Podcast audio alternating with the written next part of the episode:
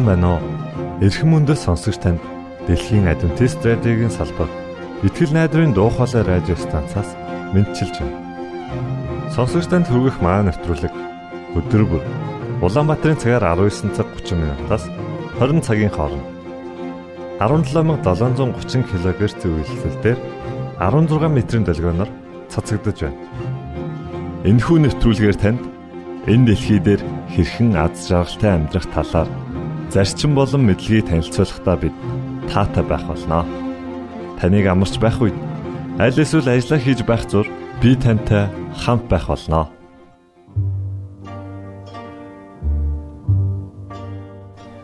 Энэ удаагийн нэвтрүүлгээ бид Silent Night хэмээх дуугаар эхлүүлж байна. Харин үүний дараа X үзлэл нэвтрүүлгийн цуврал дугаарыг хүлээн авч сонсноо. Ингээд хөгжмөдөө Thank you.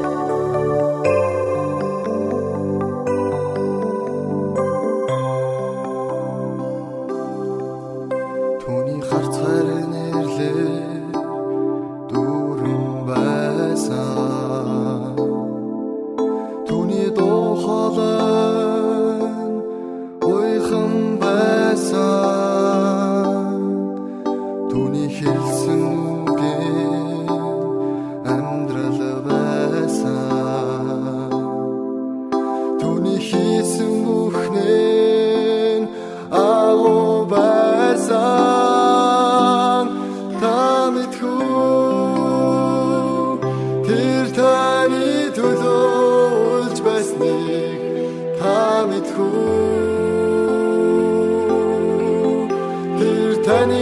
шаналсан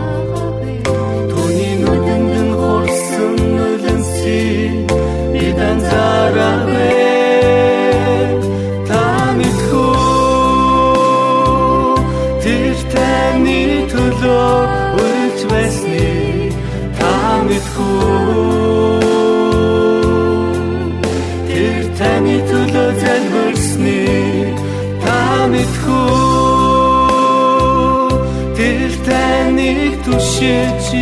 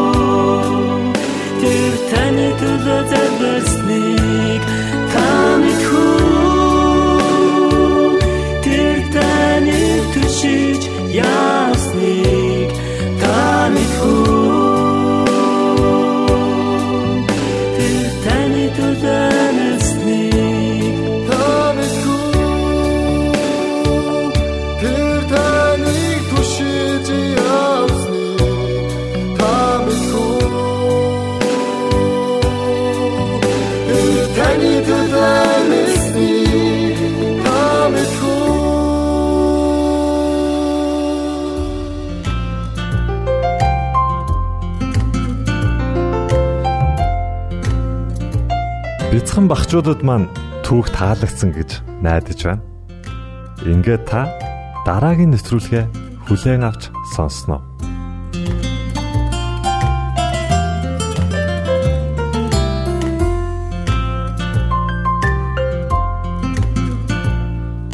Гимшлийн үчил Өөрт байгаа минь буруутгал өөлж хэлэх алдаа дутагдлууд Ядарч цөхөрсөн хоосон зүрх яг үнэндээ юу ч алгаа миний дотор гадна. Тантай уулзахад яагаад ийм хэцүү байдгийг таныг олж харахад яагаад ийм хол байдгийг хизээ танаас ингэж холдосноо хэлж мэдхийг хүсвч би чадахгүй. Хариулаач гэж танаас асууж бас зөрөглөхгүй. Тэрнээс цааш санахгүй аймаар Твчиж чадаагүй бараан, хар, улаан, цагаан буруутгал тэнд ч энд ч зуралдсан энхэн нэгэнтэй. Ачаа маань даанч хүнд болжээ. Аваачтэй гэж танд бас гомдолсон. Тэврүүлж байсан би таны хайранд дун чалан удаа. Тэгээд бүр үүрүүлж байсан таны нуруунд өдөр бүрл. Амтгүй байна гэж амьдралаа танаар бас амтлуулсан. Тэгээд хатуу байна гэж замаа хүртэл зөөллүүлж байсан танаар.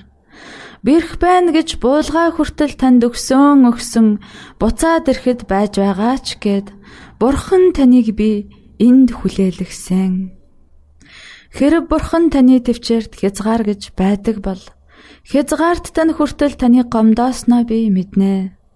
Буцаж хизээч байгаагүй таны хайр Хувиршгүйг би бас мэдсэн. Буцаад намайг ирэхэд та хүлээлгсэн газараа байж л байсан. Ивэл гэж яг үнэндээ танд эргэн олдохыг олж харлаа. Ирээдүгэ гэж таны дотор дахин дахин хорогдохыг найдаж харлаа. Инрэл гэж таны өршөөлд дахин дахин багтахыг зүрх мэдэрлээ. Итгэл гэж таны твэрт бүхнээ бүрэн даатгахыг анзаарч харлаа. Хизээч билээ хинэгнэн надад олоон жилийн өмнө хайртай гэж хацар улайтал хэлж байсан нь санагдна. Хийгээгүй буруугүй төлөө хачин хитсэн нь бүр төрхөн санагданаа. Харин өнөөдөр надад хизээч мартагдад сарнихгүй хаач намайг ичээж улаалгахааргүй эгэл хэрнээ эзэн химэн тунхаглагдсан игнишгүй харин бурхан надад гараа сунгаж байна. Яг одоо та тэр гарыг харж болно. Яг өмнө чинь Есүсийн халуун дулаан амар тайван оршихуй байна. Та ч үнээс хүртэх бүрэн эрэхтэй та зүгээр л гараа сунгаж түүнийг хүлээн аваа.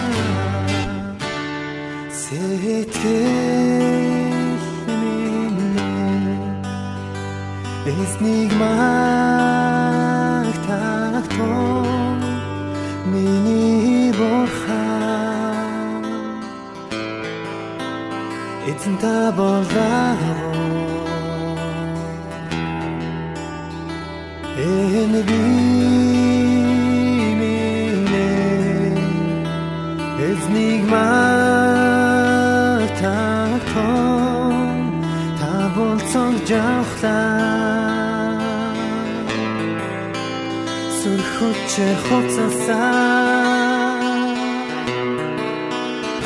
Сэрүүн бэ хатмэ Танаттай хамт байдаг тул. Сэтгэлмэн таны Үнгийн шүнөрч магтан дулнаа зовлонгийн дундаарч магтна сэтгэл минь. Эзнийг магтах миний борхан эзэн та болдагоо энэ би минь эзнийг магтахтон та болцог жавхлаа. Сүрхүчээр хоцосаа Сэрүүн бай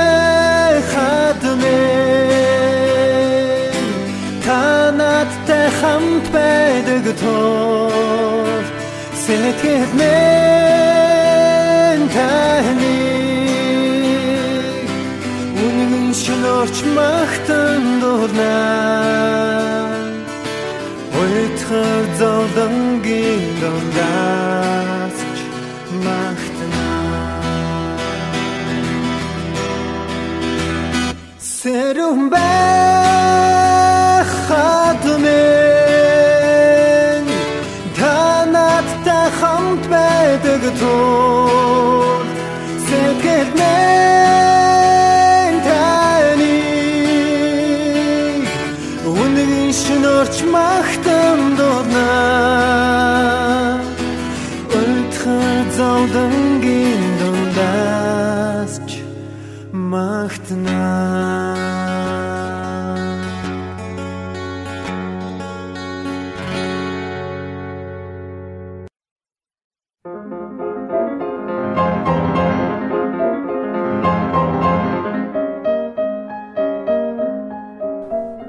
зохиолын цаг.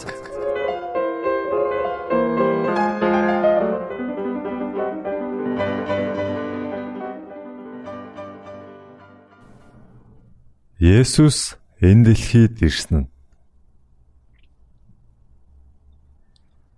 Галилийн уул толгодын дунд орших Назар хэмээх бяцхан суурьнд Йосеф Мари хоёр амьдран суудаг байв. Тэд Есүсийн дэлхийд ирэх эцэг эх нь болох болно. Йосеф бол Давид хааны удам. Тэр цагт Ромчууд ард иргэдээс татвар авах тушаал гаргахад Давидын хот болох Бэтлехэм рүү татвараа төлөхөөр Йосеф явах болжээ. Тэр цагт нааш цааш аялна гэдэг амар хэлбэр байсангүй. Мария нөхөртөөгөө Бэтлехэм явах Бартад өгсүр замаар явсаар ихэд ядарчээ. Хөөхий бүсгүй тухтай сайхан амрах газар хүрсэн гэж хичнээн хүсэж байсан бол харамсалтай нь ойтсон газарт нь дэм буудлууд хэдийнэ дүүрсэн байлаа. Баян эрх мэдэлтэй нэгэнд тогтой сайхан газар олдож байхад хөөхий энхүү даруухан аялагчд малын сарвч нь хоноглохоос өөр аргагүй боллоо.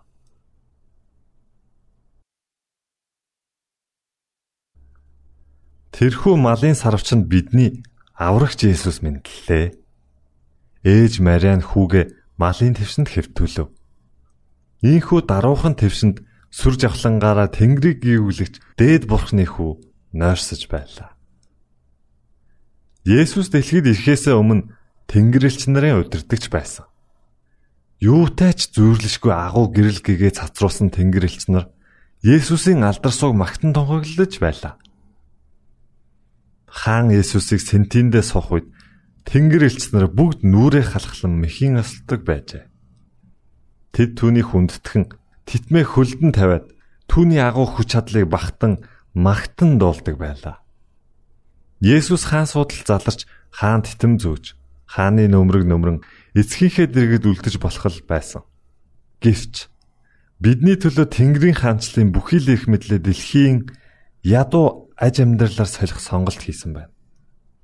Есүс өөрийг нь хайрладаг Тэнгэрлэгч нар болон хаан судлаа орхих замыг сонгосон билээ. Тэрээр биднийг хайрлсан учраас хүнд бэрх амьдрал, ичгэвтер үхлийг хүлээн зөвшөөрчээ. Бурхан бидэнд ямар их хайртаг Христийн энэ бүх шийдвэр харуулсан юм. Тэрээр энэ дэлхийд Бурханы хүсэл дуулууртай байснаар Бурханд хүндэтгэл үзүүлж болохыг амьдралаараа харуулсан. Бид түүний үлгэр дуурайллыг дагахснаар эцэст нь түүнтэй хамт Тэнгэрийн гэр оронд үрд амьдрах боломжтой болох юм.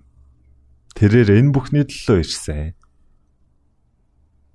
Бурхны ард түмэн дундаас олон тахилч захирагчид Есүсийг амьдралдаа өрн оруулахад бэлэн биш байлаа. Хэдийгээр тэд аврагч удахгүй ирнэ хэмээн хүлээж байсан боловч түүнийг агуу хаан болж ирээд амьдралыг нь баян тансаг болгоно гэж мөрөөдөж байв. Тимээс шашны удирдагчид аврагч Месаяг бяцхан хүүхэд мэтэр төсөөлж чадахгүй байлаа. Христийн дэлхийд мэндэлснийг тунхагласан сайн мэдэг бурхан тэдэнд мэддэггүй. Харин хончтод эхлээд энэ мэдээг сонсгосон юм. Тэрхүү хончид сайн хүмүүс байлаа. Хончид шөнөөр хоноо манахтаа амлагдсан аврагчийн тухай ярьж түүнийг эрх талаар чин сэтгэлээсээ залбирч байсан тул бурхан тэдэнд аврагч ирснийг мэдгэжээ. Гинт эзний тэнгэрч тэдний өмнө зогсож эзний цог жавхлан эргэн тойронд нь гисэнд хончид үлэмжийн айдас давтжээ. Тэнгэрлэгч тэдэнд "Бүү айхтун, харагтун, би бүх ард түмний үлэмж баярлуулах сайн мэдээг та нарт авчирлаа. Өнөөдөр Давидын хотод аврагч эзэн Христ та нарын төлөө мэдлэлээ. Тэжээлийн твшинд байх даавууд өлгийцэн нэлэх хүүхдийг та нар олж харна.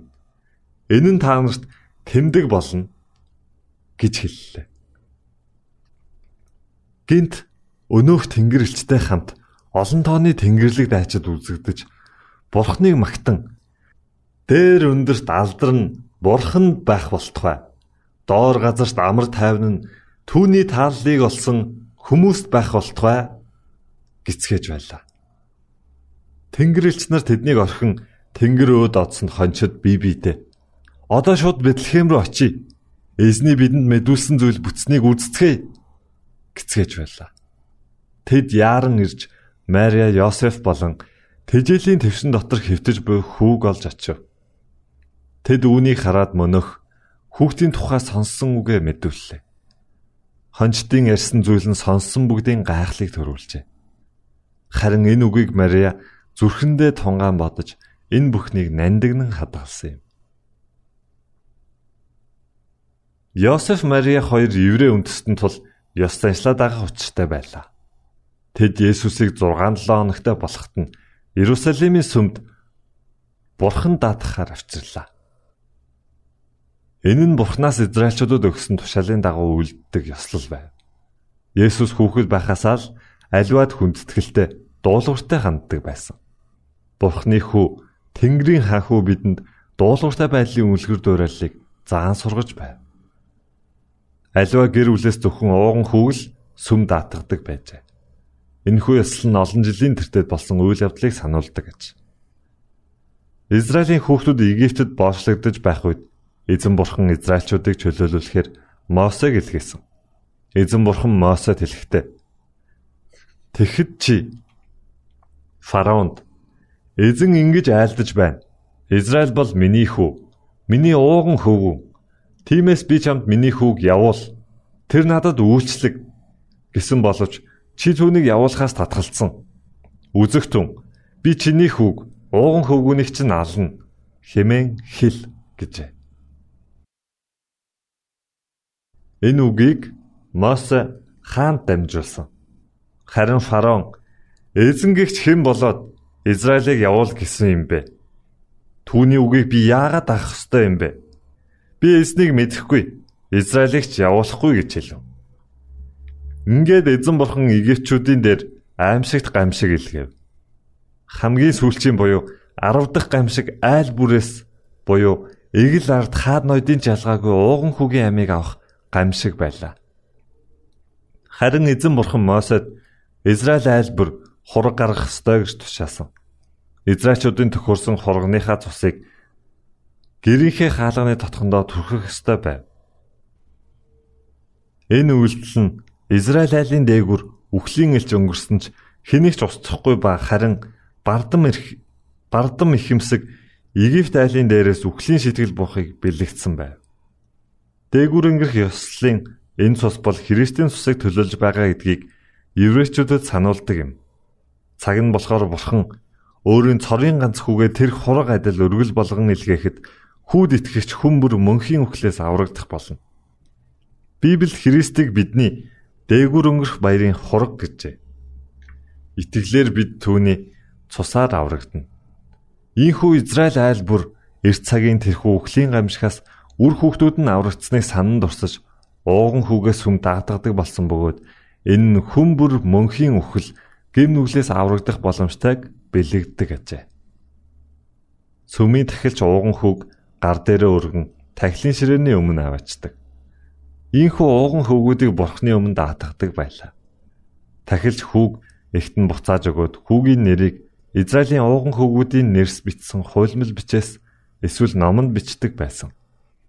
Үүнтэй адил Христийн цусаар аврагдсан хүн бүрийн нэр амийн номонд бичигдэх болно.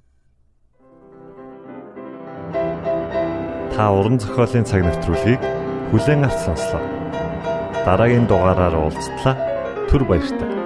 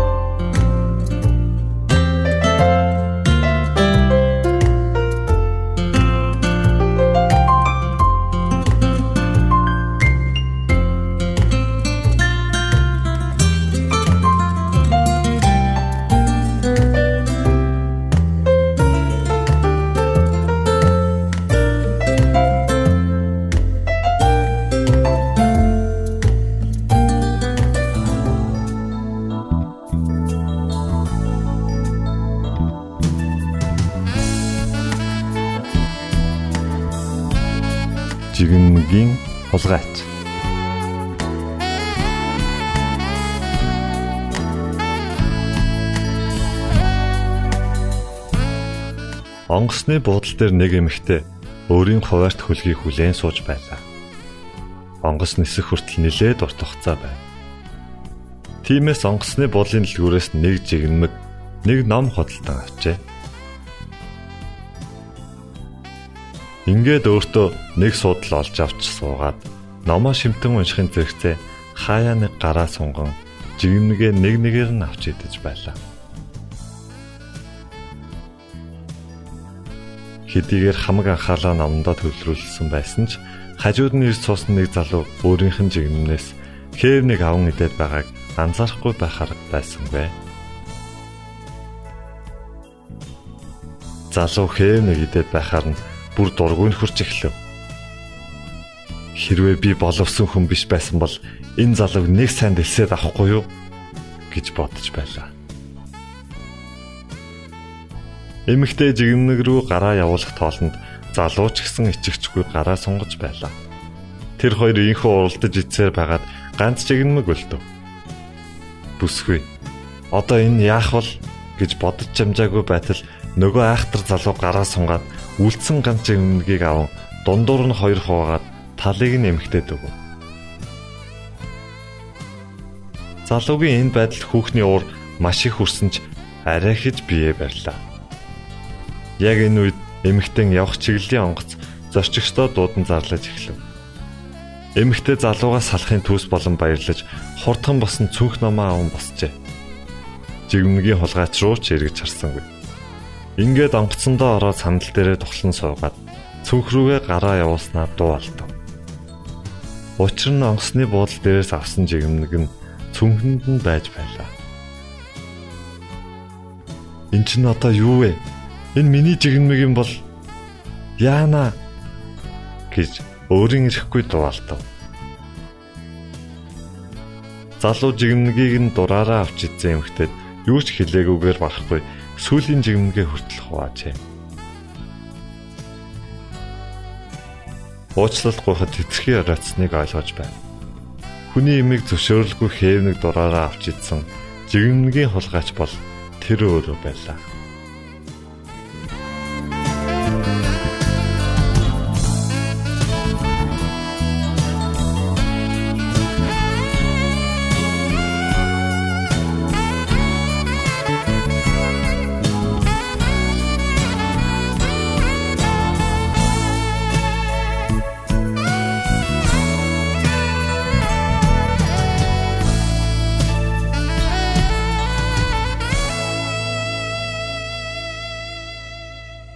Итгэл найдрын дуу хоолой радио станцаас бэлтгэн хөрөгдөг нэвтрүүлгээ танд хүргэлээ. Хэрв та энэ өдрийн нэвтрүүлгийг сонсож амжаагүй аль эсвэл дахин сонсохыг хүсвэл бидэнтэй дараах хаягаар холбогдорой. Facebook хаяг: Satiin үсгээр Монгол заавад AWR Имэйл хаяг: mongol.awr @gmail.com Манай утасны дугаар 976 7018 24 9 Шуудангийн хаяцаг 16 Улаанбаатар 13 Монгол улс Биднийг сонгон цаг зав аваад зориулсан танд баярлалаа. Бурхан таныг бивээх болтугай.